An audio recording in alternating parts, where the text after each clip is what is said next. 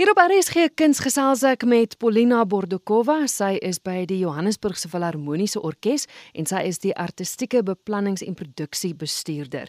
Dit is die winterseisoen wat die Johannesburgse Filharmoniese Orkees aanbied, maar dit is deel van van die Wêreldsimfoniereeks. Verstaan ek reg?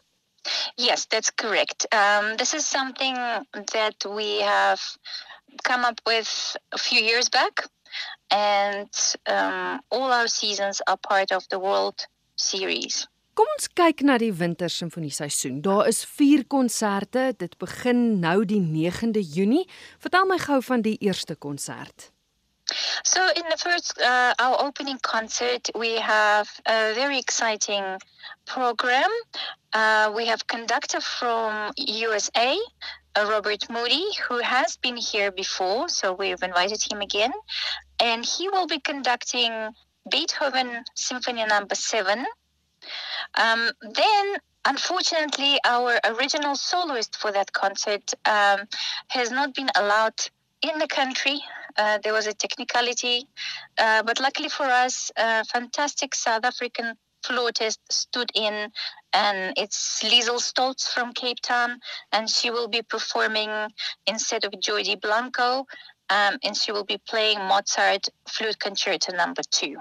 Dan uh -huh. die tweede konsert is op Jeugdag, dis die 16de Junie. Yes, so we thought we would do something special there to promote um, a bit of maybe um, musical social unity, so to speak. So our uh, soloists will be from both of them are from Bloemfontein.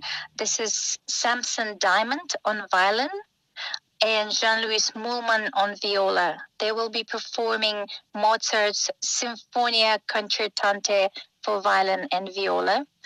This is something we thought would be appropriate for this holiday, as well as we will be playing Tchaikovsky Symphony Number no. Five, which is a grand, fantastic piece, and all of this is going to be brought together by maestro Daniel Boico. En dan die 23ste Junie? Then the third concert in our season, we are moving on to the pianos. Uh, everyone enjoys pianists. Uh, on the 23rd, we have another South African um, upcoming pianist who is currently studying at the Juilliard uh, School in New York. His name is Leo Gevisser, and he will be performing Rachmaninoff Piano Concerto number four, a very challenging piece for such a young artist.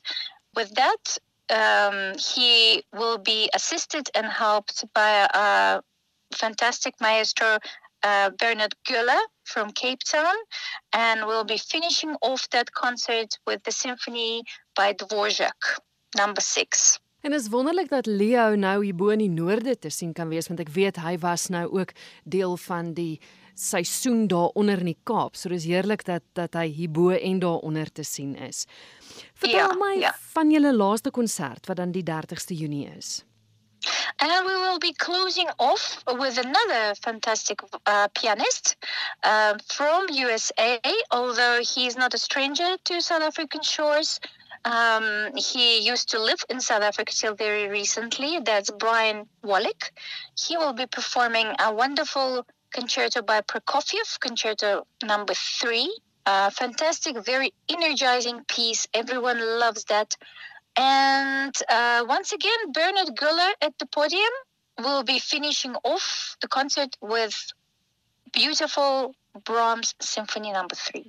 Julle is net donderdae aande, hoe laat?